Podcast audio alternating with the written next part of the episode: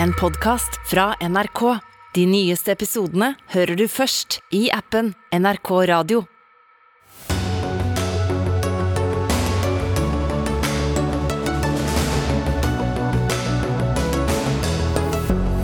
Nå skal det satses, satses på strøm fra havvind, har regjeringen bestemt. Men all strømmen skal tilbake til Norge. Dette kan bli dyrt, advarer Høyre. Spørsmålet er stilt utallige ganger. Hva skal Norge leve av etter oljen? I denne sendingen kommer en som har ti forslag. Ingen på Stortinget tør nå gå inn og si at stortingsrepresentanter bør få høyere lønn, men hvorfor ikke? Og vinterglede i Kina, det var stikkord i en reklame på VGs nettsider. Avisen videreformidler russisk propaganda, sier kritiker. For ikke å si kinesisk propaganda, som jeg skulle si. Dette er i hvert fall onsdagens Dagsnytt 18 med Espen Aas, der vi også skal snakke om russisk forsvarsøkonomi, og spørre om når vi også kan møte opp på jobb med koronasmitte. Men vi starter med dagens store politiske nyhet. Det blåser nemlig friskt fortsatt i den politiske vindkraftdebatten, etter at regjeringen i dag la frem sin plan for vindkraftproduksjon til havs, nærmere bestemt Nordsjøen. En produksjon der all kraft inntil videre skal sendes hjem til Norge. Og statsminister Jonas Gahr Støre fra Arbeiderpartiet, er det da meningen at dette skal løse dagens kraftkrise og sørge for lavere strømpriser, siden strømmen skal hjem?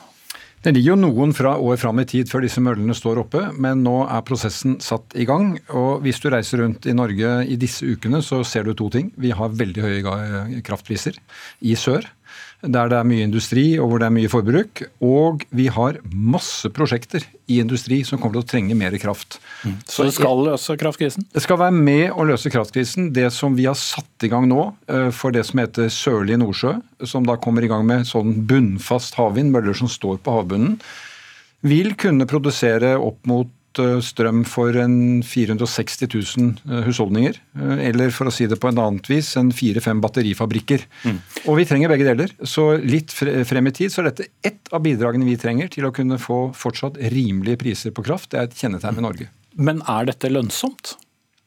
All ny teknologi vil i starten ha en utfordring på sånn rent kommersiell lønnsomhet, men For det må brukes offentlige penger på dette? Det kan hende. Nå skal vi ha en auksjon Eh, hvor de bedriftene som skal være med på dette, skal melde fra. men, men kan hende? Det hørtes ut som Nei. du var mer sikker på at det måtte subsidieres? Jo, men jeg, det, kan, det, kan, godt hende at staten må bidra noe i starten. Det må man ofte ved starten på ny teknologi. Men at havvind er et av svarene på det vi kommer til å trenge framover for å få kraft i Norge og kraft i verden, det er jeg sikker på. Mm. Og så er det slik, bare for å si det vi har jo sagt eh, to ting i dag. Det ene er å komme i gang på de to områdene som er definert, Sørlige Nordsjø og mm. Utsira. Men så har vi også gitt et oppdrag til NVE om å komme med forslag til andre arealer ute i havet for Norge. Og Det er en veldig viktig nyhet, for da må vi komme i gang med å identifisere i Midt-Norge, i Nord-Norge, oppe i Finnmark, hvor det kan være store Men det ligger lenger frem i tid, da. Erna Solberg, eh, parlamentarisk leder eh, og partileder i Høyre. Dere kaller denne satsingen for et industripolitisk mageplask, og faktisk pinlig for Arbeiderpartiet. Men dere etablerte vel ikke så mange vindturbiner til havs selv heller?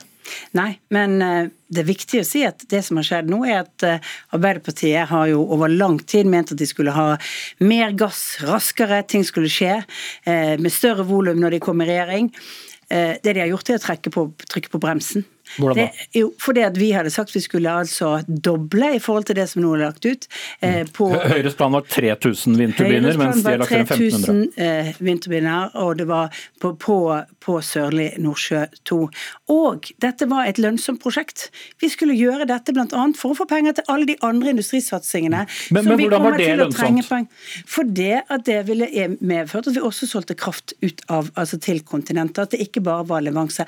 Og nå er det viktig å huske hva er det som skjer på havvind?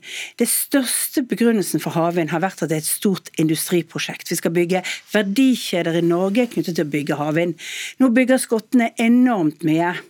Og når vi da senker våre egne ambisjoner om hvor mye vi skal gjøre på kort sikt, så betyr det at det er mindre sannsynlig at vi kommer til å få de verdikjedene her. Men, men senker man ikke ambisjonen store- hvis man velger 1500 fremfor 3000? Nei, men det vi sier at nå går vi i gang med 15 Dette er tall som ikke er så lett for lytterne kanskje å ta helt uten videre. men Ja, De vet vel forskjell på 1500 og 3000, tror jeg. Ja, det gjør de. Så vi kommer i gang med det, og det skal gå i en kabel til land i Norge. Så vi kan bruke kraften i Norge. Så har vi gitt NVE oppdrag i dag å se på, når det kommer et nett rundt Nordsjøen, og det kommer det til å gjøre for alle land kommer til å utvikle dette, hvordan kan Norge koble seg på det? Det kan være med såkalte hybride løsninger. Den utredningen skal være ferdig 1.10. Da kan vi, hvis vi velger det, ta 1500 til på den løsningen, hvis det er riktig. Men dag- Senterpartiet vil jo ikke det. Nei, altså, dette står vi sammen om. Jo, men de vil ikke ha jo, hybridkabler men, i men det vi ikke, ikke noen av oss vil, Espen Aas, det er at vi skal få nye kabler som fører kraft fra Norge og ut av Norge. Og jeg tror Men det er at løsning, hybridkabler. ja, men løsning, jo, men En hybridkabel kan gå begge veier, men den løsningen Høyre foreslår, om å bygge ut hele Sørlige Nordsjøen med hybridkabler, som kunne teoretisk føre til at all den kraften gikk til andre land, det mener vi er et dårlig industripolitisk okay. valg og en dårlig vei for norsk industri. Men det kunne vi gjort ved å ha ulik dimensjonering på de ulike kablene. Og det er fullt mulig å kunne gjøre den typen løsninger. Det var også det, det oppdraget som ble gitt. Det andre oppdraget som ble gitt når vi satt i regjering, var jo nettopp det som man nå presenterer som en nyhet, nemlig at man skal lete etter flere arealer. Det var faktisk allerede klart i juni at man skulle forberede det i departementet. Jeg syns det er forbausende at det har tatt åtte måneder fra det arbeidet ble satt i gang, til man nå begynner å sende de tingene. Men hvis Derfor sier jeg det til et mageplask, for det er ingenting av det Arbeiderpartiet lovde. Og så har man skiftet fokus fra det store industriprosjektet som skulle bygge havvind som den nye store eh, grønne næringen i, i Norge, til å bli noe som skal levere kraftbalanse inn til Norge. Jeg mener jo Men, at men burde man da latt være, hvis eh, ambisjonen nå er 1500 vindturbiner som kun skal levere kraft til Norge, burde man da latt være, eller er det bedre enn ingenting? Eh, Det er alltid bedre med litt enn en eh, ingenting. Men det er jo veldig rart, for vi kommer jo til en situasjon hvor vi nå bygger verdikjedene utenom Norge istedenfor å ha de i Norge, og hvor norsk teknologi kommer til å bli brukt andre steder. Fordi vi satser for lite nå. Hvordan kan du gjøre det når man bygger det i Norge? fordi at man skal altså bygge tigangen så mye i Skottland som det som er lagt opp til her. Og da kommer verdikjedene rundt dette i Nordsjøbassenget til å komme andre steder enn i Norge. Altså, Du satt åtte år i regjering, du har ikke bygget tigangen dette du, i, i din tid. Ja, men Det vi legger opp til nå, er et prosjekt som kommer i gang. Skottland har en helt annen energibalanse enn oss. Vi er jo til stede i Skottland. Norske selskaper er med å levere i Skottland. For to uker siden var jeg i Brooklyn utenfor New York, der er Equinor og skal levere teknologi som kan levere to millioner husstander kan få strøm. Nå skal vi utvikle vår industri, men vi, Ja, for vi vil, sørge oss for, vi vil sørge for at noe av denne kraften kommer til Norge. Og, og i den tiden jeg har vært i nå, så Men nå skal jeg slippe til en- et veldig viktig mål å, å søke etter. Tredje person i studio, nemlig deg, Åslaug Haga, som nå er administrerende direktør i Norvea, som da er eh, interesseorganisasjon for eh, de som fremmer fornybar elektrisitet. Og hvor attraktivt er det for dine medlemmer det prosjektet som ble presentert i dag? For dette skal man by på. Ja, Vi hadde jo hatt eh, høyere forventninger til det som skulle komme i dag. Det er bra ting som er kommet, bl.a. at man nå skal gå inn og se på arealdisponeringa. Men det er så mange ting som er uavklart eh, at det vil ta tid eh, for våre medlemmer å foreta en reell vurdering. For eksempel, For de vet ikke om det vil lønne seg for dem å by på prosjektene? dette må man jo nå regne hjem. Altså når du nå da skal ha, eh, det, det ville vært lønnsomt å, å bygge ut Sørlig Nordsjø 2 hvis du hadde hatt en hybridløsning, det vet vi. Da hadde vi ikke trengt eh, offentlige støttemidler, subsidier. Men det har man da ikke valgt. eh, Og nå er det da sannsynlig at for å få dette i gang, at du er av, vil bli avhengig av eh, støtte fra eh, det offentlige. Så Støre burde ikke lytte til Senterpartiet? Støre lytter til de han vil, men vi er jo også urolig da for at med den løsningen man nå velger, hvor du må bruke store offentlige midler etter alt å dømme på, på Sørlig Nordsjø 2, så vil du kannibalisere den støtten som du burde gitt til Utsira nord, hvor vi skal bygge er det flytende havvind. Ja, og hvor det viktige der, det er at det er jo der vi primært har mulighet til å utvikle ny teknologi som norsk leverandørindustri kan bygge på. Så, For så er dine medlemmer er, riktig er usikre? Det er, eh, ja, nå sitter de og lurer på hvordan i all verden dette blir, og vi trenger mange avklaringer fra regjeringen. Men det er jo ikke riktig som Støre sier, da. Han sier mye som er riktig, men han sier én ting som er galt, og det er at bunnfast er, er ny teknologi. Altså Landene rundt Nordsjøen har bygd bunnfast vind eh, i lang, lang tid. Okay, men, og vi nå, nå blir det mange momenter, men, men la oss ta, eh, gripe fra det første du sier, da, med, med denne usikkerheten. Hvorfor kan man ikke være altså, mer konkret? Åslaug Haga representerer jo disse bedriftene, og jeg skjønner godt at de bedriftene de du vil skal bygge det ut? Ja, og det tror jeg de kommer til å finne interessant. Eh, Disse bedriftene kan jeg godt tenke meg vil, vil, vil gjerne hatt full handlefrihet, at de kan levere til Danmark eller Tyskland osv. Vi vil at noe av kraften skal komme i land i Norge. Vi vil at noe av kraften skal kunne være med på å utvikle den industrien som vi har. Så skal vi avgjøre dette gjennom et auksjonssystem. Jeg, det, er ikke, det er ikke gitt at det kommer til å bli store støttebehov som er nødvendig, men det skal vi vurdere. Og så la meg bare si det, Du har helt rett, Åslaug. Bunnfast er ikke nytt. Det er det flytende som vi da skal gjøre på Utsira. Okay. Og, der, og der er det snakk om at kraften skal komme eh, i land mot Norge. Men, men og, og vi har er jo hvis all kraften skal eh, bringes inn til Norge, og det koster mye å bygge det ut, så er jo spørsmålet hvordan skal dette bli lønnsomt sammenlignet med den andre kraften man har tilgang på i Norge, hvis den ikke skal eksporteres Men nå har jeg, men er forklart at uh, denne første halvparten, de 1500, den skal gå i kabel til Norge. Så vil vi innen i løpet av høsten få vite hvordan et sånt nett skal utvikle seg. Vi vet ikke nok om hvordan det nettet er til å dimensjonere det for å lyse ut nå. Og Da kan det jo hende at de 15, neste 1500 kan supplere med, med løsninger som inngår i det nettet. Solberg og så Haga. Prisen på utbyggingen her er cirka, ifølge de tallene vi har fått sitte med, 69 øre i utgangspunktet. Det er det dobbelte av det prisen i gjennomsnitt de siste 30 årene har vært i Norge. Sånn, og den prisen, den dyre strømmen, skal da føres inn til Norge for å hjelpe på strømbehovene her. Det betyr at enten så øker det prisen på strøm i Norge, for det, eller så må man subsidiere det for å holde nede. Så begge De deler koster. pengene, begge deler koster, og de pengene burde skattebetalerne brukt til å gjøre alt det andre. Vi vil også ha ny teknologi. Vi skal ha hydrogen. Vi skal sørge for at vi får enda mer CCS fremover. Vi skal gjennomføre det store grønne skiftet. Det eneste lønnsomme store grønne skifteprosjektet vi har, det gjør regjeringen med sine regler ulønnsomme fordi de krangler om denne kabelen, når det er alternative måter å gjøre det på. Det er å sette det grønne skiftet i revers istedenfor å sette det i full fart Blir det dyrere strøm ved en kabel som bare går én vei her, da? Nå skal vi la bedrifter og andre få, få regne på det, men å, få, å regne dette hjem uten offentlig støtte tror vi blir veldig vanskelig. Men vi har jo også samtidig full respekt for at regjeringen nå velger å bygge en radial og ta strømmen inn til land, så vi skal være konstruktive, selvsagt, i, i det bildet. Men så må jeg få si en ting til, og det er dette spørsmålet om auksjon, veldig fort. Eh, Vi mener det er meget uklort, og hele bransjen gjør det, å kjøre en ren auksjon på Sørlige Nordsjø 2. Det betyr at de som har mest penger, de som har de djupeste lommene, de vil få utbyggingen.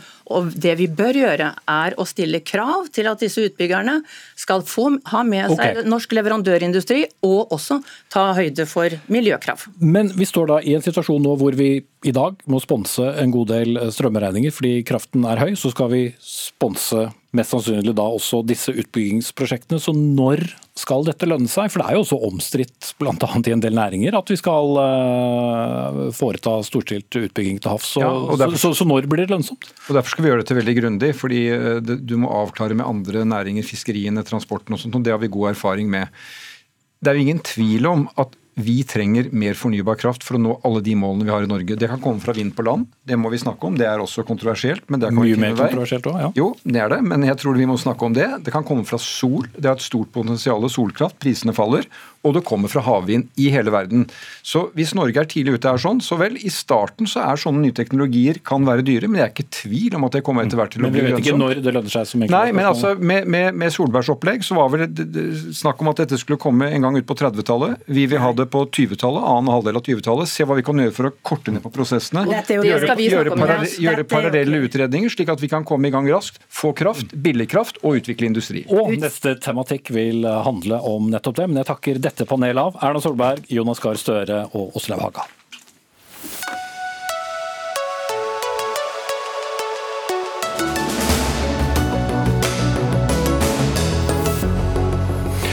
Jeg skal for så vidt ikke slå fast at jeg vet hvilket spørsmål som er stilt flest ganger i Dagsnytt 18, men når vi eh, snakker om norsk industri og norsk energi, så tar jeg neppe munnen for full hvis jeg sier at et av de ofte stilte spørsmål er hva skal vi leve av etter oljen?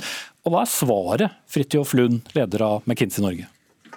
Du, Det har vi tenkt en del på. og Det som er det klokkeklare svaret, det er at eh, vi skal leve av i alle fall mer enn én ting eh, fremover. Eh, vi må lykkes med mye. og Havvind, som akkurat har blitt diskutert, det er jo én av byggeklossene til det. Men vi tror at det er da i alle fall ti næringer som vi har særlig gode forutsetninger for å lykkes på fremover. Og kanskje har vi akkurat nå den beste muligheten vi har hatt på opptil 50 år for mm. å være med og forme vår egen fremtid. Og hvorfor jeg har trukket deg inn i studio og stiller deg akkurat det spørsmålet, er fordi at dere i dag lanserte en rapport ved navn Norge i morgen, der dere peker da på ti mulighetsnæringer mot 2030. Ifølge denne rapporten så vil det ligge 310 milliarder kroner i økt verdiskapning, 210 000 nye arbeidsplasser. Men hvor optimist skal man være for at dette blir realitet? For for eh, når jeg ser på klokka, så er det litt under åtte år til 2030. Ja, det er åtte år til. Eh, vi mener at dette er realistisk hvis man trykker på den store knappen nå. Men eh, det vil kreve at man fatter en del beslutninger kanskje enda raskere enn man har gjort historisk. Og det vil kreve at man setter ganske konkrete både høye ambisjoner og veldig konkrete målsettinger og også planer fremover. Mm. Men dette er radikal omstilling av industrien eh, i Norge på igjen under åtte år. Dette skal dekke opp for hva det 70% av det som dagens olje- og gassindustri tilfører av eh, verdiskapning. Hvem er denne rapporten laget for? Den er jo laget vil jeg si, eh, like mye for næringslivet og for ledere som for politikere. Vi mener jo at det vil kreves et enda tettere samarbeid egentlig mellom politikere og næringslivet for å realisere disse målene fremover. Mm. Men det er ikke umulig? Nei, Vi mener at det er ambisiøst, men eh, burde være mulig. Men det vil kreve beslutninger nå. Mm. Jan Kristian Vestre, næringsminister fra Arbeiderpartiet. Du er med oss direkte fra Haugesund. Eh, hvis du skal være realistisk, eh, går dette an å gjennomføre før 2030? Ja, det tror jeg, og vi har dårlig tid. Nå har ikke jeg fått eh, lest denne rapporten i detalj, men vi sier eh, ja takk vi til eh, alle som vil bidra med gode og konkrete og ambisiøse forslag til hvordan vi kan ta det grønne skiftet fra ord til handling. Jeg tror ikke alle i Norge har forstått ennå at vi nå står foran den største omstillingen av norsk økonomi noensinne. Og det vil kreve mye av oss alle, men oppsidene hvis vi lykkes med dette, er jo fenomenale. og Derfor er innspill som dette viktig, og det tar vi selvfølgelig med oss i arbeidet. Og så er jo regjeringen i gang med det vi kaller grønt industriløft, som er et eh, prosjekt der vi peker ut noen områder mm. der vi mener at Norge har store muligheter til å reindustrialisere mm. landet. Men, men er du enig... Og det kommer vi til å legge fram en konkret plan for til våren. Er du enig i at vi i løpet av da knappe åtte år må kunne erstatte 70% av inntektene som vi har fra olje og gass i dag? I det resonnementet? Ja, det, er det, det er det nok litt forskjellige beregninger av, men det store bildet her er jo at Norge fremdeles er veldig avhengig av olje- og gassindustrien. Den har tjent oss eh, vel og bra. Vi produserer olje og gass med lavere utslipp enn alle andre land på kloden, og vi skal gjøre det en del år til, men etterspørselen etter fossil energi vil falle. Hvor raskt det skjer, er det ingen mm. som eh, helt vet, og derfor er det jo viktig at vi nå omstiller oss slik at vi er forberedt. Hvor okay. mange jobber som skal eh, erstattes, og hvor raskt det skal skje, det er et annet spørsmål, men at det haster å komme i gang, og at det har vært veldig mye prat om dette og litt for lite handlekraft, det er det ingen tvil om. og Derfor er vi nå i gang med en ambisiøs plan for å mm. starte Der skal du få et lite punktum fra studio. Eh, Nikolai Astrup, stortingsrepresentant eh, fra Høyre. Ja, du har jo tilhørt en regjering i åtte år eh, selv, eller i hvert fall ditt parti var i regjering i åtte år. Hvor realistisk er det å kunne sette i gang en sånn storstilt omstilling som det denne McKinsey-rapporten legger opp til? Altså, for det første så er det ikke noen tvil om at vi må omstille oss. og vi skal må, Det har politikere sagt i alle år. Ja, Vi skal mot netto null i 2050. og Jeg er enig i de som sier at eh, og Vestre sier det også, at det er en mye større omstilling enn det folk tar inn over seg. Så tror jo nok jeg at olje- og gassektoren kommer til å være viktigere eh, enn det McKinsey legger opp til i 2030. Eh, og Det er ikke minst fordi vi skal videreutvikle norsk sokkel som energiressurs for Europa.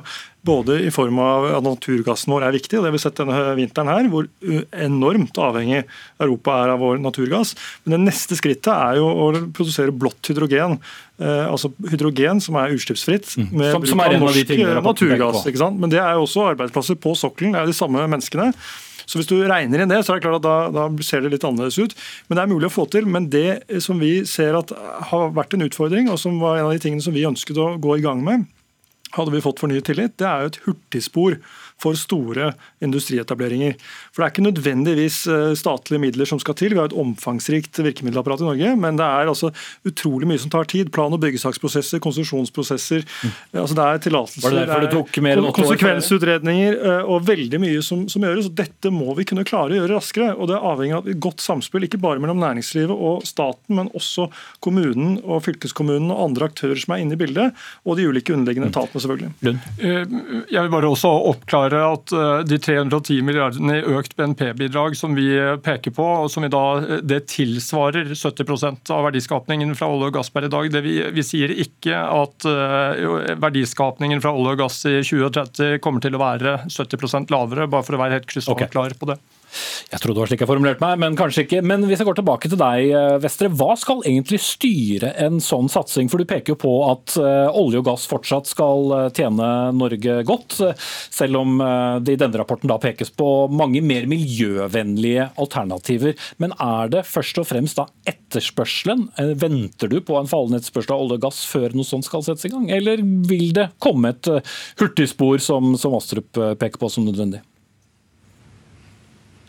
Ja, men det er jo det siste som har vært problemet, nemlig at vi har ventet og egentlig lukket litt øynene for dette og håpet at det Men nå er det din tur. over av seg selv. Det er ikke virkeligheten.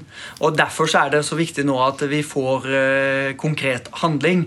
Når det gjelder hydrogen f.eks., så er jo vi nå i gang med å lage en egen plan for hvordan vi både gjennom å sette konkrete mål for blå og grønt hydrogen, også kan bruke hele virkemiddelapparatet vårt, risikoavlastning, se på eksportpotensialet for blått hydrogen til Europa, eventuelt differansekontrakter som kan ta ned kostnaden for dette. Men, men det jeg spurte om var jo egentlig når man skal ta et skifte. Er det i det, eh, eh, eksp- eh, i det eh, etterspørselen faller for olje og gass, eller vil det bli igangsatt noe før det, utover det som eh, du allerede har vært ute og snakket om, som er bl.a. batterifabrikk og eh, havvind? Ja da, og vi kan legge til karbonfangst og -lagring, og vi kan legge til verdens grønneste prosessindustri, og vi skal bruke skogen og mye annet, og vi skal ikke minst revolusjonere skipsflåten vår gjennom grønn skipsfart. Poenget er jo at man har ventet i altfor mange år på disse nye teknologiene, og problemet er jo at det er kostbart i starten, og det er derfor vi sier at vi må bruke statens virkemidler mer aktivt for å få fortgang på utbyggingen. Som betyr Så skal vi gjøre det på en samfunnsøkonomisk smart måte. Unnskyld, hva sa du? Som betyr subsidiering, bare for å legge til det ordet, ut fra hva du nettopp sa. Det, ja, det kan, det kan bety risikoavlastning gjennom det. Det kan bety låneordninger og garantiordninger, som vi nå ser for oss for batteriindustrien. Det kan være offentlig innkjøp, 620 milliarder kroner i året. Ok, Jeg trenger ikke eksempel på hver, men det var bare for å få et overblikk over hvordan dere tenker. Eierskapet. Ja, eh, Nikolai Astrup, eh, åpenbart spørsmål er jo hvorfor gjorde dere ikke noen av disse tingene i løpet av åtte år? Altså, for det første så er det, jo, er det jo helt feil det Vestre sier, for det har jo vært en enorm aktivitet på dette området. og Støre satt jo akkurat her og snakket om alle de virksomhetene som nå popper opp langs kysten. eh, og Det er nye batterifabrikker som bygges i Mo i Rana, og er ammoniakkprosjekter her og der, og hydrogen her og der. Og, og kapitalmarkedene har jo virkelig respondert. Det har jo vært en enorm strøm. eh, og Rekord i børsnoteringer innenfor grønne satsinger de siste årene. Så, så, så det, det bildet er helt feil. og Hvis det er noen som skal bidra med prat, så høres det ut som det er Vestre, for han har jo dette godt innøvd. Men det vi trenger er jo at disse satsingene blir lønnsomme. Ja, for Det var det jeg skulle til å si. Det er mye som er igangsatt, men hvorvidt dette er bærekraftig, som er et Det er først når det er lønnsomt at en snøball virkelig starter å, å rulle, og at ting skjer raskt. For Hvis jeg er opptatt av hastighet, så må det være lønnsomt. Så må staten bidra til, i noen tilfeller, øh, å få det til å bli lønnsomt og hjelpe ting opp å stå. Så da er du enig med Vestre? Men, men eh, når jeg leser for i avisen på mandag at Vestre skal ha en enorm milliardsatsing på batterifabrikker, og i neste setning så sier han at batterifabrikker er lønnsomme allerede, så må vi altså passe oss for at ikke vi eh, her eh, bruker statlige penger feil, og realiteten bidrar til en ressursallokering i økonomien. Og da, og da mener du kaste penger etter lønnsomme prosjekter, altså Ja. ikke subsidiere ting som Ja. bør kunne Og, og vi ser jo det, ikke sant, med Havvindsatsingen er et veldig godt eksempel. Dette var jo en av de satsingene som virkelig kunne bli superlønnsomt. Den har vi debattert, så vi bruker ikke tid på det en gang til. Og gjennom politisk beslutning har Vestre sagt at den skal vi subsidiere. Og det er ikke veien å gå hvis vi skal oppfylle det som okay. McKinsey er Ja, opptatt det er jo fordi at vi Hvis jeg, Kjør på. jeg kan få svare litt på dette da. Det er jo fordi at vi først og fremst må sikre nå vår egen industri tilgang på ren energi. Vi er altså i en situasjon takket være nesten ingen kraftutbygging med åtte år høyreregjering. I en eh, Vet du hvor mange TWh det er bygget ut, Vestre, de siste åtte årene? Derfor, derfor så bygger vi ut. Så, så skal jeg svare på de to andre tingene du sa. Selvsagt skal disse nye prosjektene være lønnsomme, men vi har sagt at vi må sørge for at vi har i hvert fall like gode rammevilkår som våre naboland. Jeg vil ikke sitte og se på at store batterietableringer havner i våre naboland fordi de har mer å stille opp med. Derfor må vi inn med garantiordninger. Så kan vi gjerne prate om hvor mye fine initiativer tidligere som er tatt på vind og på hydrogen. Faktum er at det ble ikke bygget ut vind til havs da dere styrte. Vi har ingen eksport av grønt hydrogen foreløpig. Det går ikke spesielt fort framover med en del av disse andre prosjektene. Og det er veldig flott Astrup, at du er utålmodig etter å se planen vår, mens nå skal du få se til våren når den kommer, så vil du se hvordan vi tar dette fra eh, ord til faktisk gjennomføring, sånn at vi sikrer at disse etableringene og industriprosjektene kommer i Norge. Det trenger vi, det haster vi. Og Hvis jeg skal få ta et siste tall Det må være kort. Sånn at I Norge så investerte vi mer i norsk fastlandsindustri i 2008 under finanskrisen enn det vi gjorde i 2019 da Erna Solberg styrte Norge, før pandemien traff oss. Så Ok, det var eh, det poenget fra deg, Vestre. Nå vil jeg bare. Å, nå må vi ikke prate med hverandre. Det er verste de som hører på vet. Men jeg vil avslutte med deg, Lund. Altså, modellene deres, hva tar de inn over seg? Skal det inn med storstilt eh, statlig eh, subsidiering, eller eh, skal dette kunne bæres av private selv, eller er det en kombinasjon? Jeg vil si Det er en kombinasjon, men vi peker ikke på subsidiering som den eneste eh, løsningen her. Vi peker på, vi tror at eh, privat kapital eh, kan bidra mye her, og kapitalmarkedene. Og så tror vi samtidig at staten eh, kan tilrettelegge på mange gode måter eh, inn i dette. Men det store spørsmålet er når hva blir lønnsomt? Det var et nikk for dere som hørte det på radio. Det var eh, Fridtjof Normann Lund, leder av McKinsey Norge. Vi hørte næringsminister Jan Christian Vestre, som var med oss fra Haugesund. Og i studio Nikolai Astrup, stortingsrepresentant fra Høyre.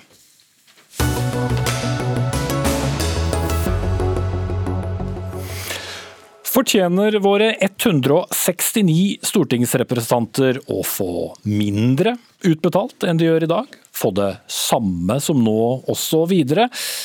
Eller skal vi vente med å ta stilling til så vanskelige spørsmål akkurat nå? Disse spørsmålene baler i hvert fall de samme 169 representantene med før morgendagen. Et stortingsoppnevnt utvalg har foreslått å øke godtgjørelsene til stortingsrepresentantene, i tråd med lønnsøkningen ellers de to siste årene. Men det er litt eh, krevende tider, så de fleste folkevalgte, eller i hvert fall partiene, ser ut til å kvie seg for å støtte en lønnsøkning akkurat eh, nå, og sprer seg heller på de forskjellige variantene jeg har nevnt opp. Arbeiderpartiet vil fryse stortingslønnen til i hvert fall til neste år, og Høyre og andre partier vil utsette en regulering av godtgjøringen etter at årets lønnsoppgjør er over. Men Mimmi Kristiansson, stortingsrepresentant fra Rødt, dere har allerede bestemt dere for at eh, det lureste er å kutte i eh, lønna til stortingspolitikere. Gir det bedre politikk? Ja, det tror jeg. Altså For oss i Rødt så er jo ikke dette krevende tider i det hele tatt. Det er veldig gode tider. Og vi har jo ment det samme om eh, politikerlønninger alltid, dette, ikke bare akkurat nå. Vi har foreslått å kutte de drastisk ved alle anledninger om at mulighet. Og Problemet med at stortingsrepresentanter kan ende opp med millionlønn og ha ca. millionlønn i dag, det er ikke primært at det er dyrt for staten. fordi uansett eh, hva stortingsrepresentantene tjener, nesten, så er det veldig få folk. Det er lite penger det er snakk om. Men det som er problemet, er at når politikerne fjerner seg altfor mye til hverdag fra hverdagen til vanlige folk, når en stortingsrepresentant begynner å tjene dobbelt så mye som en elektriker eller en sykepleier, da er det òg vanskelig å forstå hva slags liv folk flest lever. Da er det vanskelig å forstå hvor mye en strømregning svir, hvor mye et par tusenlapper ekstra eh, er. Og da får vi dårligere avgjørelser for det store flertallet. Men uh, du har jo akkurat startet som stortingspolitiker selv. Du jobber i Oslo, du har familie i Stavanger, du reguleres ikke av arbeidsmiljøloven. Du får ikke overtidsbetalt selv om du sitter til langt på natt. Så er det en rimelig sammenligning? Altså, Jeg gikk ned eh, ganske kraftig lønn når jeg slutta å bli betalt av det frie markedet som kjøpte bøkene mine, og begynte å bli betalt av skattebetalerne i stedet. Men man skal jo ikke synes synd på stortingsrepresentanter. Altså, Dette er en gruppe som har fått et helt utrolig privilegium, nemlig å få være med og styre og bestemme i Norge. Og så er jo ikke Rødts forslag at stortingslønna skal være knapper og glansbilder. Det at det skal være én og en halv gang medianinntekt, ca. 800 000 kroner, det er jo en steingod lønn. De fleste i Norge hadde jo tatt salto mortale baklengs om de fikk 800 000 000 i lønn. Mm. Men det er klart, når man tjener en million fra før, så oppleves jo det som en sånn fattigluslønn, da. Men det er jo ikke sånn det ser ut for resten av oss. Jeg vet ikke om du ville brukt det ordet, Svein Harberg, stortingsrepresentant eh, fra Høyre. Men deres løsning altså Ingen vil jo da ta til orde for å øke lønnen akkurat nå, men dere vil utsette denne lønnsreguleringen da. Hva tjener det?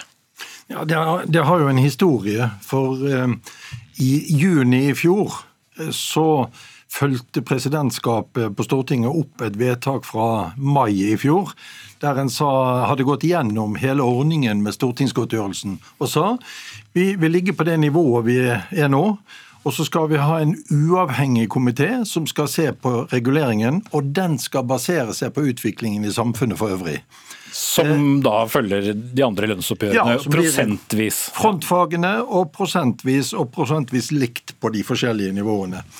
Eh, og så eh, ble jo det oppnevnt i juni i fjor, og dermed så kom det litt seint med innstillingen. Det som er Planen er at disse skal så snart som mulig etter lønnsoppgjøret komme med en innstilling til Stortinget om hvordan vi bør regulere eh, godtgjørelsen, og så skal vi ta stilling til det da. Nå er vi plutselig over i februar, og det er nytt lønnsoppgjør til sommeren. Vi syns da det er riktig å se på det i rute etter lønnsoppgjøret til sommeren. Og så sa vi en ting, for det står òg i det vedtaket som ble gjort, at hvis det er spesielle hensyn, så skal vi ta hensyn til det. Så vi har sagt at 2020 skal vi ikke justere godtgjørelsen for. Mm. Så hvis uh, vi skulle ende på en 2,5 eller 3 eh, økning da i årets lønnsoppgjør, så er det det også stortingsrepresentantene bør få? Da kommer antagelig eh, godtgjørelsesutvalget med en innstilling som fanger opp det. Det er jo det som er deres jobb, å komme med en innstilling til. Og Så skal vi ta stilling til den, den direkte reguleringen da. Men det må være riktig å ta den årlige reguleringen knyttet opp mot det lønnsoppgjøret vi nå har sagt skal være gjeldende. Så det er viktigere enn f.eks. symbolikken i om dere da vil eh, vippe over denne berømmelige millionen som ja, veldig mange har vært opptatt av? Jeg kan jo si at jeg syns det var forferdelig når vi vippa 950. Altså det er et tall regulering gjør at du ta... passerer noen grenser. Mm. Ja.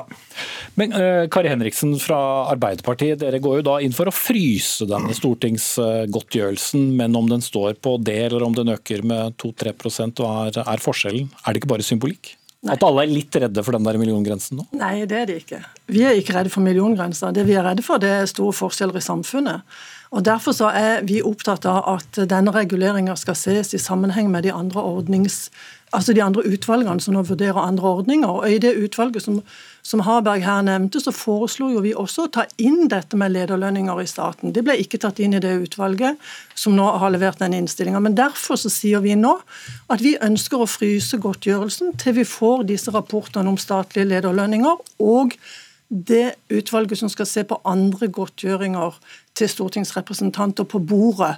Og så skal vi jo selvfølgelig bruke den andre politikken på å få ned forskjellene i samfunnet når det gjelder lønn. For det viktigste for oss, bare for å si det, det er at vi har bygger opp tilliten til demokratiet og også til, til, politikere. og Da må vi ha små forskjeller mellom de som tjener mye og de som tjener mm. lite. Og da men dere tjener mye? Men kan jeg bare si det? Ja, men da blir nemlig det tallet på million ikke så bra, for det er en symbolpolitikk. For hvis alle tjener en million, så er en million et ikke-tall.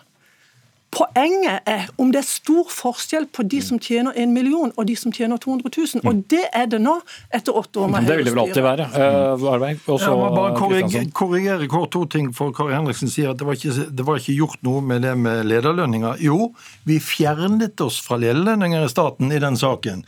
For Før var det sånn at det skulle ses hen mot lederlønninger i staten. Nå skal vi ikke gjøre det, vi skal se på frontfagene. Bare- Det Ja, dette blir så teknisk at det tror jeg ikke vi andre er går at ned. Det er ikke noe utvalg som skal se på andre godtgjørelser for stortingsrepresentantene. De skal se på ordningene som hjelper oss i hverdagen, og det er ikke godtgjørelse. de litt omstridte. Men samtidig, det er jo godtgjørelse. Altså, alt du får betalt av det offentlige, vil jo en eh, som sitter på utsiden mene at det er noe du får. Det er ingen godtgjørelse av det for dekket mine kostnader til reise, akkurat som du får det når du er ute som journalist.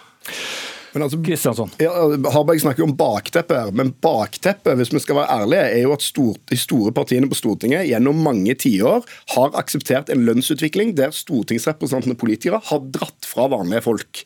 Fordi at Når du øker lønna di med den samme prosenten hvis du øker lønna di, da, du har 1 million, og så øker du lønna med 2,5% og så har du en som har 500 000, og så øker hun lønna med 2,5% ja, da er jo det er dobbel økning det, for den på topp i kroner. Så Rødt foreslår jo òg en regulering, men vi foreslår at vi skal følge kronebeløpet til medianen. Sånn at vi krone for krone beveger oss oppover i takt med lønnsutviklingen. Men denne prosentutviklingen den vil gjøre at vi fortsetter å kjøre fra. Så Men det er jo den som brukes overalt ellers når man fastsetter lønn. ja, Vi er jo for kroneoppgjør i mange andre sammenhenger òg, men det er klart det er medvirkende til å øke forskjellene. Og så er jo stortingspolitikerne en spesiell gruppe, har jo helt spesielle ordninger. Og jeg må jo bare si alle disse frynsegodene som kommer i tillegg, med doble feriepenger og pendlerleiligheter og dietter og alt mulig, alle disse tingene som kommer i tillegg, det er jo medvirkende òg til at det å være politiker i Norge, være stortingspolitiker, har blitt ekstremt lukrativt. Og jeg vil jo si at jeg tror vi får de beste mulige politikerne, hvis det ikke primært er lønna som motiverer folk til å gå inn i politikken. Ja, tror, tror du det er mange av de du sitter sammen med som eh, vil inn på Stortinget fordi at uh, de skulle få den lønnen? Jeg har ikke noen grunn til å spekulere i folks motiver, men jeg tror stortingspolitikere har verken bedre eller verre moral enn folk flest. Og i alle andre deler av samfunnet så ville vi vært helt sikre på at folk tar til seg det de har mulighet til å få til seg, tror jeg. Og det gjelder selvfølgelig stortingspolitikere òg. Og så er vi jo inne i en litt sånn spesiell eh, vinter nå, da, Kari Henriksen, med alle de historiene som har vært på noen som har tjent litt ekstra godt på enten det har vært eh, reiseregninger, pendlerbolig eller, eller andre ting. Men vil det gjøre så stor forskjell da om man fryser lønna? Det vil ikke gjøre så veldig stor forskjell, men for oss er det et verdivalg. Vi har sagt at vår lønn skal ses i sammenheng med utviklinga i samfunnet for øvrig. Og Det sier vi også om statlige lederlønninger. Og Derfor sier vi at det er rimeligst å vente til vi får disse rapportene fra dette representantordningsutvalget, som er riktig, det er ikke godtgjørelse, men det er representantordningene som skal ses på og den, de statlige lederlønningene. Og de kommer fra, Statlige lederlønninger kommer fra regjeringa nå i vår, og det andre utvalget det vil levere sin rapport nå også i vår. Og Det er jo eh, viktig å vite også, jeg har bare lyst til å si det, at noen ganger når en omtaler stortingsrepresentanter, så høres det ut som vi er på en evig fest. Det er vi altså ikke. Du var inne på det sjøl. Vi har 48 timers arbeidsdag, og du kan snakke med de pendlerne som kommer fra Finnmark. 48 timers arbeidsdag? det. Nei, unnskyld, 24 timers arbeidsdag. Jeg tar litt godt i. Jeg tar litt godt i. Nei, men, øh, men hvis du snakker med de stortingsrepresentantene som har lang pendlerreise, så tror jeg ikke de tar det valget fordi de syns det er så lukrativt. Det er mye plunder og heft, kan jeg fortelle. Ja, men Derfor synes jeg bare det Og det er klar over ut fra alle stortingsrepresentanter jeg har snakket, om, eh, snakket med opp gjennom årenes løp også, men akkurat nå så er det et sånn slags vakuum hvor likevel ingen tør å si det at vi fortjener faktisk de godtgjørelsene vi har. For nå er alle litt opptatt av at skal skje nå. Vi sier egentlig det at vi syns det er rimelig. Ja, vi sier at det er rimelig det som Stortinget vedtok i fjor. Det nivået og den måten å regulere på. Så har vi sagt at 2020 ser vi bort fra, for det var et spesialår. Og så fortsetter vi den runden etter lønnsoppgjøret i vår. Og så må jeg bare si det at det var litt tilfeldig, men jeg så på telefonen der ute, så så jeg på Dagbladet, og der var oversikt over gjennomsnittlige lønninger. Eh, og Jeg tror helst ikke vi skal se på lederlønninger i staten, for de ligger langt, langt over oss. Og der er gruppe etter gruppe etter gruppe som har et ansvarsområde og en arbeidsmetode som oss. Ja, men som oss, som ligger på vårt nivå eller høyere. Og de vil vi også ha med i Stortinget. De vil vi også ha mulighet for at de kan velge å gå inn på Stortinget istedenfor å gjøre det. Ok, eh, vi må snart runde av her, men blir det ikke først og fremst uh, symbolpolitikk? Vil, vil, vil, plutselig alle elske de folkevalgte dersom de går ned et par hundre tusen i lønn? Det handler om to ting. Det handler om rettferdighet på den ene siden, og så handler det om at politikerne skal være i kontakt med folket. Og når Kari Henriksen sier at vi har 48 timers arbeidsdag på Stortinget ja, Det syns altså, jeg var et godt forslag. Ja, altså, jeg, altså, jeg er helt enig, jeg jobber steinhardt på Stortinget, men det er jo ingen som skal tro at ikke en sykepleier, en helsefagarbeider, en renholder jobber steinhardt, og mye mer steinhardt, hvis du ser på uføretrygdstatistikken, hvis du ser på gjennomsnittlig levealder, enn det vi som sitter på Stortinget på møter gjør. Det er realiteten, og da er det urettferdig at vi skal tjene dobbelt så mye som de. Kan jeg bare okay. si at du snakker med en sykepleier. Jeg har jobba ja. over 50 år i sykepleien, og jeg vet forskjellen mellom det å være sykepleier og det å være stortingsrepresentant. Kjente tjente du bedre på å være sykepleier? Nei, det gjorde jeg ikke. Men jeg hadde, jeg hadde ikke den arbeidstida som jeg har når jeg er stortingsrepresentant. Mm. Som altså var 48 timer i uken og ikke om dagen. Mimmi Kristiansson fra Rødt, Svein Harberg fra Høyre og Kari Henriksen fra Arbeiderpartiet. Og det er altså i morgen som dette skal stemmes over i Stortinget.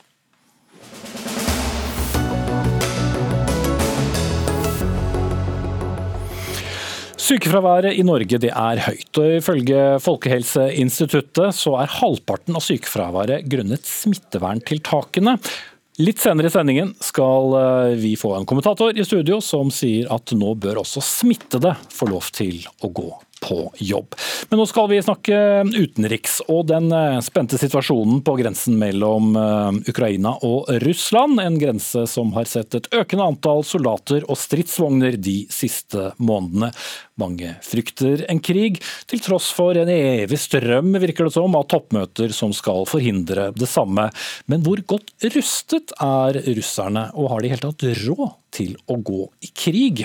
Julie Helseth Udal, du er forsker ved Forsvarets forskningsinstitutt, og forsker nettopp på russisk forsvarsøkonomi. Du har sett på budsjettene flittig. Hvor mye tilgang får du, og hva slags bilde er det som tegner seg av eh, den russiske forsvarsøkonomien? Det vi har sett de siste ti årene, er at russerne har brukt eh, veldig mye penger eh, på forsvar.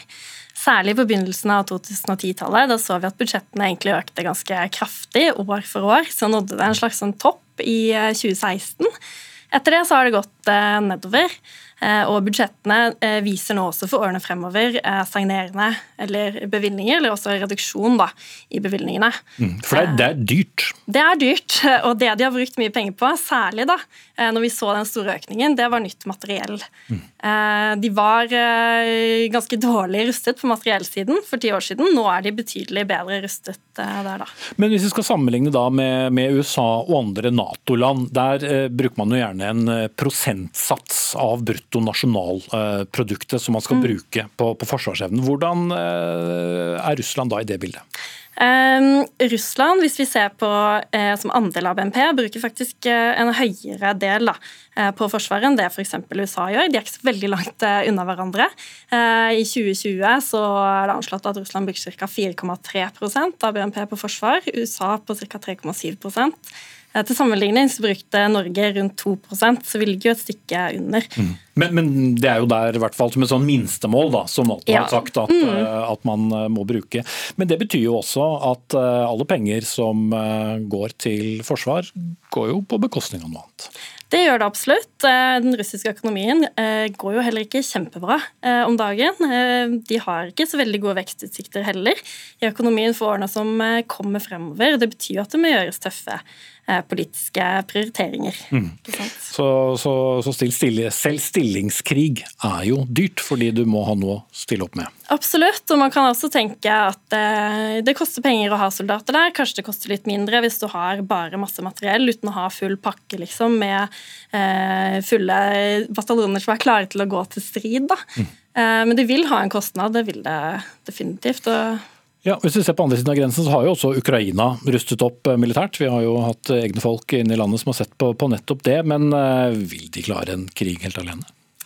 Eh, det vil jo så fall gjenstå å se, da. Men det man har sett, har jo, som du sa, Ukraina har rustet opp de siste årene. Det har de definitivt. De er bedre stilt nå enn det de er, var f.eks. i 2014. Men Russland er fortsatt ganske overlegne tallmessig. Eh, men nå vil jo også en eh, eventuell invasjon vil jo også være ganske kostbart for eh, de russiske styrkene. da. Mm. Takk for det innblikket, Julie Helseth Udal, forsker ved Forsvarets forskningsinstitutt.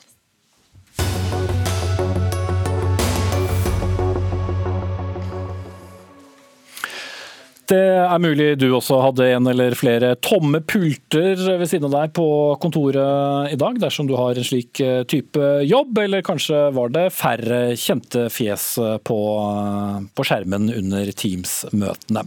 Det er høyt sykefravær i samfunnet. Mye av det er pga. smittespredning, men mye er også rene smitteverntiltak, for du skal være hjemme i minimum fire dager dersom du er smittet. I dag kom Folkehelseinstituttet Folkehelseinstituttet med en ny risikovurdering, der de konkluderer med at samfunnet i løpet av kort tid kan gå tilbake til normal hverdag uten særlig smitteverntiltak, uten at det vil gi betydelig økt sykdomsbyrde fra omikronvarianten, som stadig er den som sprer seg eh, mest. Men i forrige uke konkluderte de samme med at mer enn halvparten av sykefraværet vil komme fordi at folk må isolere seg, ikke fordi de er så syke. Og Derfor skrev du i dag i Aftenposten, kommentator Joakim Lund, at det kanskje var på tide å la folk gå tilbake på jobb litt kjappere, selv om de berømmelige fire dagene ikke ned gått. Hvorfor det? Ja, det, eh, jeg har fått ganske mange reaksjoner på det i dag, og veldig mange er helt sjokkert eh, over at jeg kan eh, foreslå noe sånt. Men det er altså sånn verden egentlig er at eh, man holder seg hjemme når man er eh, syk. Og I dette tilfellet så er ikke det så veldig gal eh, retningssnor, egentlig.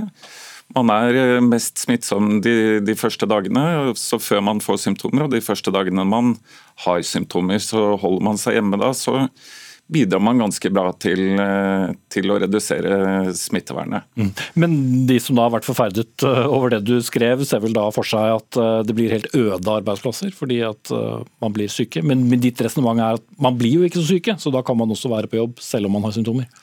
Jeg tror mange som reagerer gjør det fordi vi har hatt to år med pandemi og har vent oss til at vi blir pålagt veldig strenge tiltak. Eh, for egentlig å redde liv og helse. For dette viruset har jo vært mye farligere enn eh, det er nå. Men nå er det altså veldig lite farlig. Den eh, nye risikovurderingen fra Folkehelseinstituttet slår det ganske ettertrykkelig fast.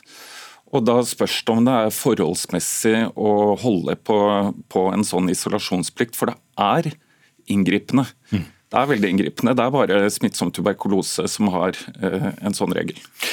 Det kommer jo muligens noen lettelser eh, i morgen eller på fredag, men Bjørn Gullvåg, direktør i Helsedirektoratet, ja, vi som sitter og inviterer gjester etter programmet, møter også på folk som sier at de er helt friske, men de har testet positiv. Gir det da noen mening å fortsatt sitte hjemme, ikke for å besøke Dagsnytt 18 for all del, men hvorfor kan de ikke like så godt gå på jobb? Ja, nå er jo dette ting som vi jobber med hele tiden. og Det som eh, jeg er enig med Joakim Lund i, er at eh, på litt sikt så vil vi jo nærme seg eh, det som er beskrevet i hans artikkel. Og så er jo spørsmålet hvordan skal vi gå fra der vi er nå og frem til da. Og Fremdeles så har vi en ganske smittsom pandemi. Eh, og som kan gjøre at eh, man får et veldig høyt sykefravær i enkelte arbeidsplasser. Men dette er jo en risikovurdering da, som ikke bare er helsefaglig, det er i høyeste grad eh, en politisk vurdering og en vurdering som, som flere må delta i, altså hvor raske disse trinnene skal være. Mm. Og så er jo én ting dette med plikten til å isolere seg. Det kan være aktuelt å, å gå liksom fra plikt til anbefaling før man går til det at man er hjemme eh, bare når man har symptomer. Mm. Eh, og, så dette regner jeg med vil endre seg i løpet av de neste ukene. For med, som Joakim Lund sier, med absolutt alle andre sykdommer, så er det ingen som hindrer deg i å sitte i din krok, selv om du kanskje både har litt feber og, og rennende nese og hoste. Det er ikke sikkert du blir så populær på jobben, men, men eh, det er der vi er.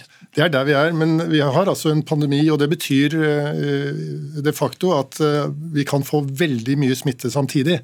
F.eks. la oss ta et sykehjem. da. Eh, hvis man får flere som går på jobb samtidig med smitte, så er det sannsynlig at man kan få veldig store smitteutbrudd. Mm. Men bare, Det er vel bare et problem hvis de da skulle bli syke? Hvis man blir smittet og ikke får særlige symptomer, så er det jo ikke noe problem? Nei, det er riktig. Sånn at, eh, men dette er jo en risiko kan du si, for, for eh, stort fravær fordi man blir syke, men også en viss risiko for de beboerne da, som eh, blir smittet og som har en dårligere helsetilstand. Så Dette er jo en, en løpende risikovurdering som man må gjøre. og så tenker jeg at vi det er fint for så vidt med en eye-opener fra Joakim Lund, som sier at eh, ja, det, det, er kanskje en normalitet som vi kommer til på et tidspunkt ikke, for, ikke veldig langt fram i tid. Men eh, så er det også en politisk avveining hvor raskt dette skal gå.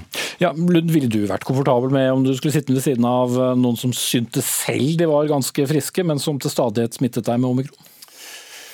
Det, det, gjør jeg sikkert hver eneste dag, for det, nå, er, nå tester ikke alle seg lenger.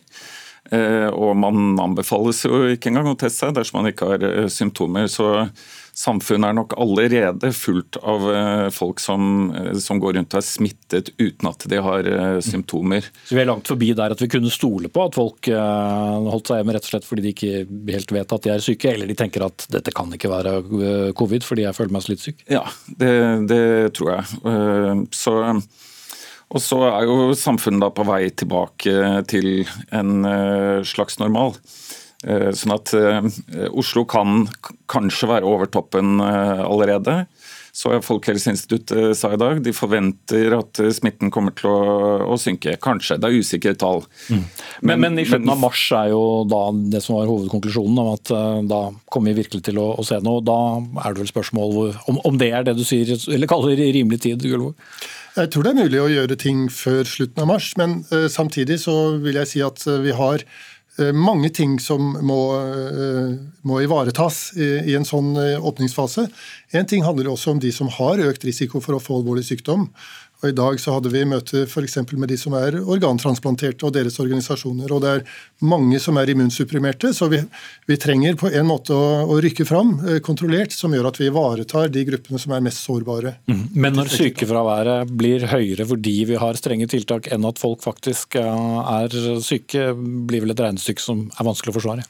Ja, absolutt. Så uh, Vårt hovedregnestykke nå det er hvordan vi kan unngå å ha høyt sykefravær og liten samfunnsbyrde. Altså, og hvordan vi samtidig kan ha en lav byrde på samfunnet. Det er det som er uh, regnestykket som vi forsøker å få til å gå i hop. Mm. Kommer det noen store lettelser eh, de nærmeste dagene, slik du vet? Det har vel våre politikere egentlig sagt at kan komme. Mm. Og så vil ikke jeg avsløre noe utover det. Nei. Bjørg Gullvåg, helsedirektør, og Joakim Lund, kommentator i Aftenposten, takk skal dere ha.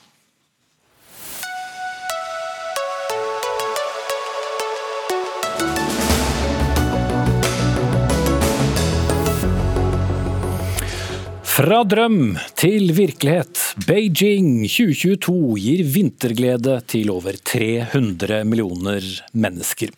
Det er altså ikke min begeistring, men overskriften på en annonse som eh, dukket opp mellom VGs nyhetsartikler og abonnementsartikler nylig. Annonsen er skrevet og betalt av et statlig kinesisk nyhetsbyrå, og har skapt en del reaksjoner, særlig hos deg, Andreas Seljås, som står bak nettsiden som heter idrettspolitikk.no. Hvorfor disse reaksjonene? Altså Først eh, vil jeg si, er det ikke det man pleier å si i Dagsnytt 18? Men da har alle holdt seg unntatt deg! Nei, men jeg syns det er litt dumt at jeg må sitte her og snakke om en artikkel som jeg ikke vil bli lest, for da veit jeg at det er flere som klikker seg inn på det. Ja, det er for sent. Vi går tilbake ja. til spørsmålet. Nei, Hvorfor der, reagerer du på annonsen? Det er tre ting som jeg syns er problematisk med den eh, annonsen. Det ene er at de videreformidler eh, kinesisk propaganda fra det kinesiske kommunistpartiet. Og du sa at det er skrevet av dette Xinhua, altså dette nyhetsbyrået. Det visste ikke jeg. Det står bare at de er avsender. Jeg veit ikke hva kvalitetssjekken er, om man har gått inn i detaljene der. og og sånne ting. Og Det andre som jeg syns er problematisk, det er denne formen for markedsføring, altså innholdsmarkedsføring, eller content marketing som det heter på godt norsk. Og Det er at man på en måte skal prøve å lure leseren inn i en artikkel som ligner veldig mye på redaksjonelle artikler. Mm, men det står annonsørinnhold på den? Det står det, og det sier jeg ikke at det ikke står. Men eh, fontene er ofte like. Når du går inn i sakene, så er det sitater av veldig mange. Det ligner veldig mye på redaksjonelle mm. saker. Men, men det, ja, men det tredje tingen som jeg også syns er viktig i akkurat den saken her, det er at den publiseres på vg.no. Og så er det produsert av noe som heter VG Partnerstudio, som tilsynelatende er to forskjellige ting. Mm. Men ligner, VG står i begge, og det her blir som å forklare kineserne forskjellen på Nobelkomiteen og eh, Stortinget. Ja, Nå ble det litt sånn vifte her. fordi både, både, kritiserer du hvordan annonsen er, men hvis vi holder oss til, er, er din hovedinnvending hvem som har betalt annonsen, og dermed at den dukker opp uh, hos VG? Ja, jeg syns at det er i, en tid der vi snakker om sportsvasking og promotering og propaganda, så syns jeg det er problematisk at VG eh, publiserer artikkel som er skrevet av det kinesiske okay, kommunistpartiet. Da er det det vi tar fatt i. Gard Seiro, ansvarlig redaktør for VG. Liker du annonsen? Nei, jeg gjør egentlig ikke det. Jeg syns dette er en vanskelig sak og et dilemma. Det er en sånn annonse som åpenbart det enkleste for oss hadde vært å sagt nei til. Men det vi, gjorde dere ikke? Nei, det gjorde vi ikke, og det er av rent prinsipielle årsaker. Når vi får en sånn annonse som dette, så må jo vi vurdere er det som står der riktig, og det har vi gjort ganske mange runder på i denne saken her. Men så er det sånn at norske medier og VG har, et, veldig, altså har et liberalt syn på annonser. Og Det handler om at hvis disse annonsene er innenfor norsk lov, hvis de ikke bryter med Vær varsom-plakaten, hvis de ikke bryter markedsføringsloven, så skal det mye til for at vi sier nei til en annonsør. Og Det handler rett og slett om at norske aviser de skal være åpne for alle annonsere. De skal være åpne for uh, ulike foretak, de skal være åpne for statlige foretak, de skal være åpne for politiske organisasjoner og andre Så kommer budskap også budskap som oppfattes som kontroversielle.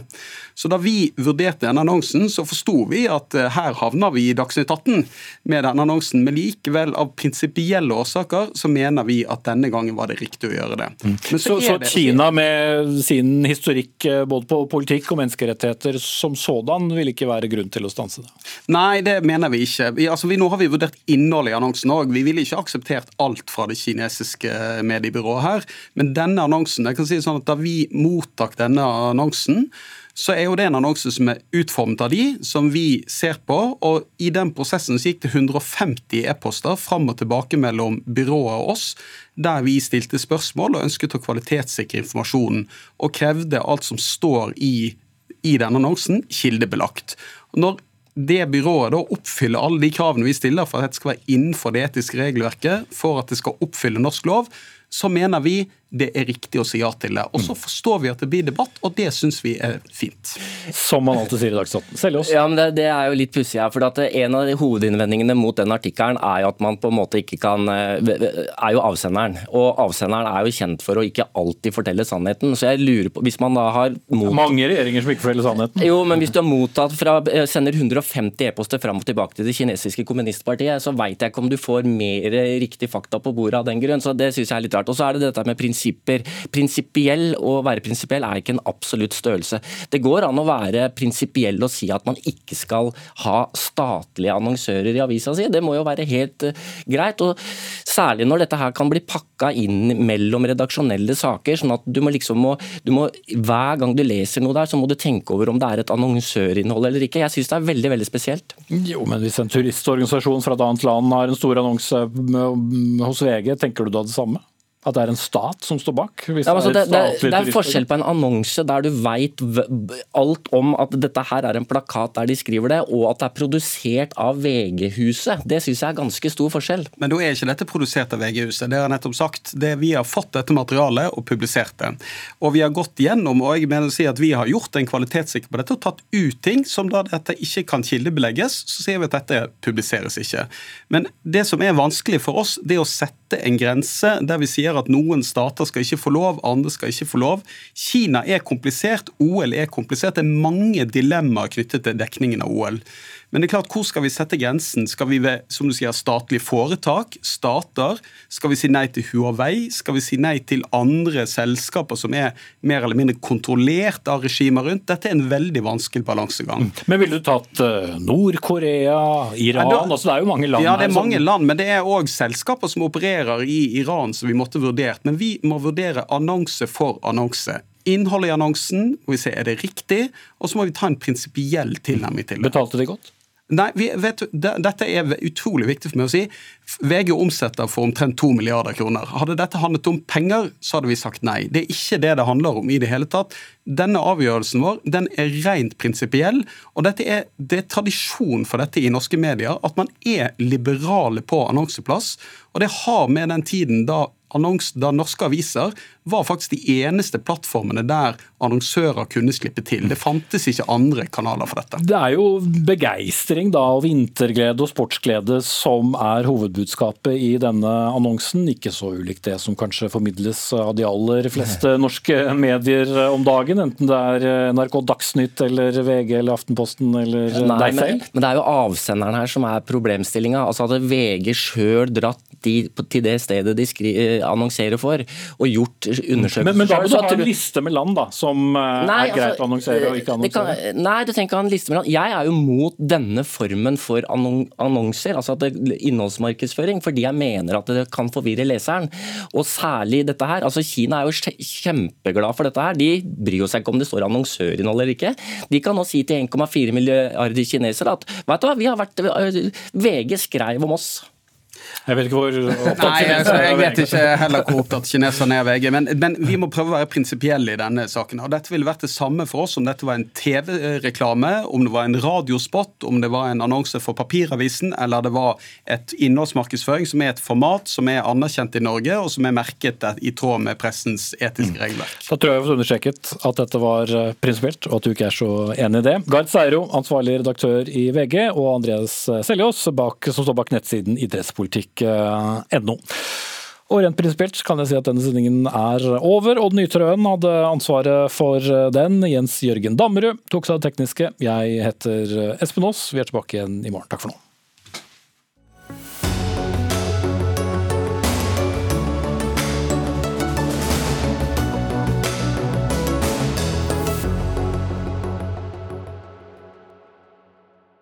Du har hørt en podkast fra NRK. De nyeste episodene hører du først i appen NRK Radio.